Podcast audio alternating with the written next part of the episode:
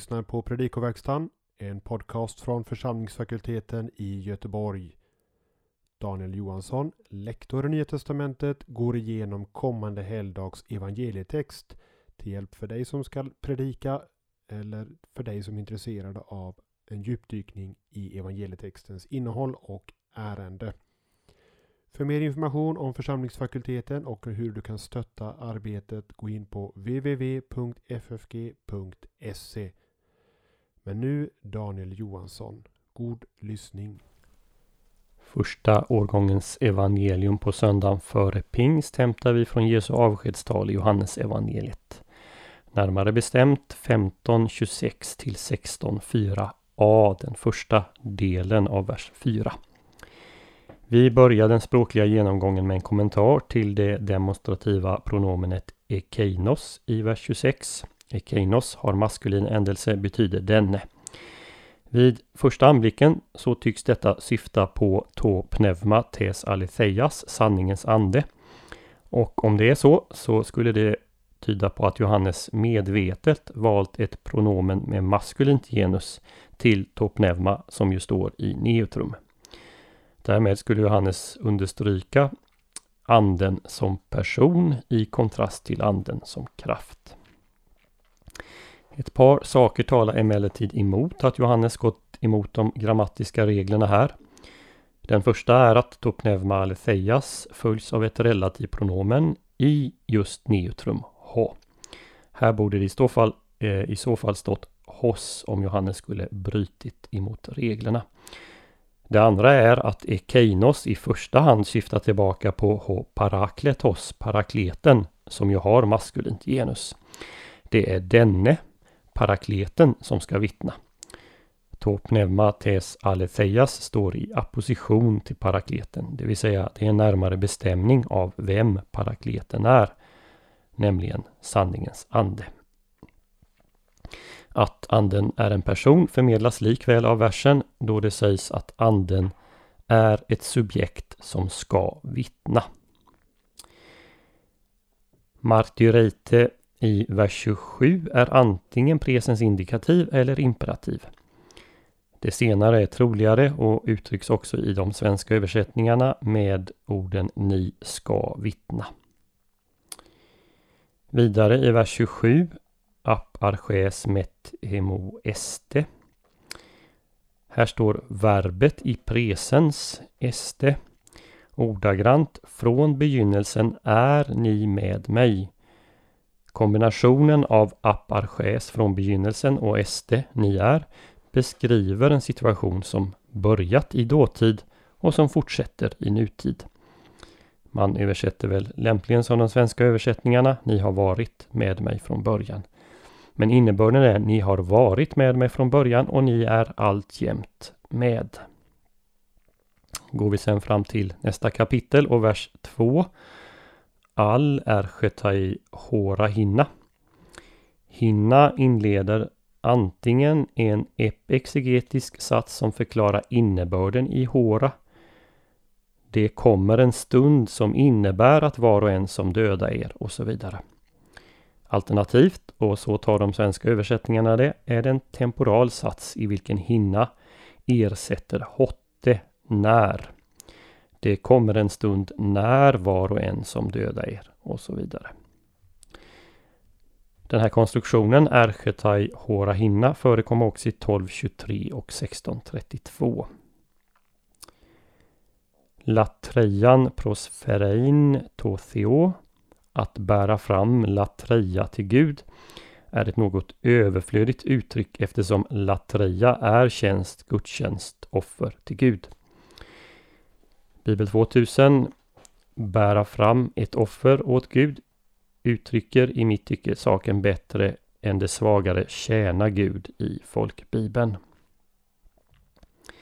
I vers 3 återger folkbibeln Egnosan som är en aurist i tredje person pluralis, med presens de känner inte. Bibel 2000 tar det som en ingressiv aurist. De har inte lärt känna. Till sist i vers 4 två iakttagelser i anslutning till pronomenet auton som förekommer två gånger. I det första fallet hehora auton kan genitiven uttrycka syfte och definiera innebörden i hora. Det som avses är då förföljelsen som omnämns i vers 2. Och så översätter Bibel 2000 det, när den tiden kommer. Men auton kan också avse de som är orsak till förföljelsen och så översätter folkbibeln när deras tid kommer. När det gäller det andra auton, det som följer på verbet eh, mnevmonevete, är det så att verbet mnevmonevo tar sitt objekt i genitiv. Mnemonevete auton översätts alltså kom ihåg det. Auton syftar här tillbaka till tauta som i sin tur syftar på det Jesus sagt om ett uteslutande ur synagogan och martyrskap. Vad som inte framgår av de svenska översättningarna är att Jesus påminner både om vad han sagt och att han sagt det. Det som uttrycks med satsen hotti ego eipon hymin. Om vi ska få med detta på svenska så får vi lägga till ett och och översätta på följande sätt. Ni ska komma ihåg det och att jag sagt det till er. Läsningen består av två delar. Först har vi verserna 26 till 27 som kan sammanfattas Andens och lärjungarnas vittnesbörd om Jesus. Och den andra delen består av verserna 1 till 4 i kapitel 16. Jesus förutsäger att lärjungarna ska förföljas och dödas för hans skull. Den här läsningen avslutar ett längre avsnitt som börjar i 15.18 och som kan sammanfattas under temat Världens hat. Det här avsnittet innehåller också den tredje av fem utsagor om parakleten, den helige Ande, och den har vi i vers 26. Vad gäller beteckningen Parakletos parakleten hänvisar jag till podden för femte söndagen i påsktiden i första årgången. Tre saker kännetecknar beskrivningen av parakleten här. Parakleten är sanningens ande. Samma utsaga finns i 14.17. Det måste här vara fråga om antingen en objektiv genitiv, anden som vittnar om sanningen, eller en attributiv genitiv, den ande som är sanningen. För det andra så står det om anden att han ska vittna. Och det är ju om honom som själv kallas för sanningen i 14.6. Jesus understryker att den kommande hjälparens vittnesbörd om honom själv som sanningen är sant. För det tredje sägs det om anden att han para to patros ek porevetai, att han utgår från Fadern. Östligt ortodoxa teologer ser här en hänvisning till de inbördes relationerna i gudomen.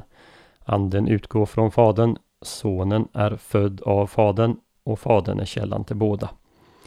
Västliga teologer menar att utsagan handlar om Andens verk i tiden. Och det senare har väl ändå bäst stöd i texten då just denna utsaga föregås av utsagan om att Sonen ska sända Anden. Vers 26 tycks i detta avseendet bestå av en parallellism. Sonen sänder från Fadern, Anden utgår från Fadern. Tanken att Sonen sänder Anden återkommer sedan i 16.7 Eh, men står också parallellt till att Fadern ska sända eller ge Anden i Jesu namn. Det stöter vi på i 14.16 och 14.26. Till det här kan vi lägga att i 16.27 och 17.8 beskrivs sonen så att han också kommer från fadern. Samma preposition används som här om anden, para, men verbet är ex erchoma, inte ek thai eller porevomai. Parakletens uppgift är med andra ord att vittna sant om Jesus. Det är en del av det rättegångstema som går som en röd tråd genom Johannes evangeliet. Olika vittnen åberopas gång på gång. I en parallell till detta andens vittnesbörd sägs också att lärjungarna ska vittna eller de uppmanas att vittna av Jesus i vers 27. Här har vi en av de starkaste utsagorna om ögonvittnesskildring i alla evangelierna. Lägg märke till att vi här har en parallell till det som står i dels Lukas 1.2 och dels i Apostlagärningarna 1.21. Lärjungarna är ögonvittnen som har varit med från början. Det är den början som ingår i kriteriet på en apostel i Apostlagärningarna 1, 21-22. Nämligen att man varit med sedan Jesus döptes av Johannes i Jordan. Johannes evangeliet är ju det enda evangeliet som berättar att Jesu lärjungar fanns i kretsen kring Johannes döparen och fanns runt honom när Jesus döptes. I Johannes evangeliet så får vi säga finns lika stora anspråk på ögonvittnesskildring som till exempel i Lukas. Det här är något som Richard Bauckham påpekar i sin bok Jesus and the Eyewitnesses. Och utsagan här i 1527 är en av dem. I kapitel 16, verserna 1-4a så preciseras den konflikt som nämnts i allmänna ordalag i 15, 18-27. Jesus förutsäger att lärjungarna ska bli exkommunicerade av sina egna bröder efter köttet, för att uttrycka det på Paulus sätt, och att till och med död väntar dem. Här finns ju en rad nära paralleller i Matteus, Markus och Lukas, i Matteus 10, Markus 13 och Lukas 21. Jesu ord går i uppfyllelse i och med Stefanus martyrdöd omvittnad i Apostlagärningarna 7 och senare lokala förföljelser som nämns i Apostlagärningarna. Uteslutning i synagogan på ett lokalt plan omnämns redan i Johannes 9.22. Jesu motståndare är på väg att döma Jesus till döden för att de tror att det är på det sättet de upprätthåller Guds lag och därmed ärar Gud. Samma öde, säger Jesus nu, väntar lärjungarna. Den som dödar dem tror sig utföra en tjänst åt Gud. Den här saken finns uttryckt i en senare judisk text, Midrash Rabba, eh, på fjärde Mosebok 21.3. Där det står, om man översätter, om en man utgjuter en ond mans blod eller en ogudaktig mans blod är det som om man hade offrat ett offer. Och en likartad utsaga finns det i babylonska Sanhedrin 9.6. Innan Paulus hade mött Jesus på vägen till Damaskus så tänkte han ju i liknande banor och handlade därefter. Något som framgår av båda apostlagärningarna och hans egna brev. Att på detta sätt döda avfällingar från tron, det går emot Jesu och Nya Testamentets lära. Men det har ju tyvärr inte hindrat människor att använda våld i Jesu namn. Varför tar Jesus upp saken här i avskedstalet? Jo, för att varna sina lärjungar så att de inte blir överraskade när det väl sker. Och Lukas han låter oss veta i Apostlagärningarna 5.41 att lärjungarna efter pingstdagen kunde bli glada för att de blev förföljda för Jesus skull. Tack för att du lyssnat. Vill du stödja Predikoverkstan och annan poddverksamhet från FFG? Ge en gåva till swishnummer 123 100 8457 Ange FFG Podcast eller en bankgirogåva till nummer 622-5387.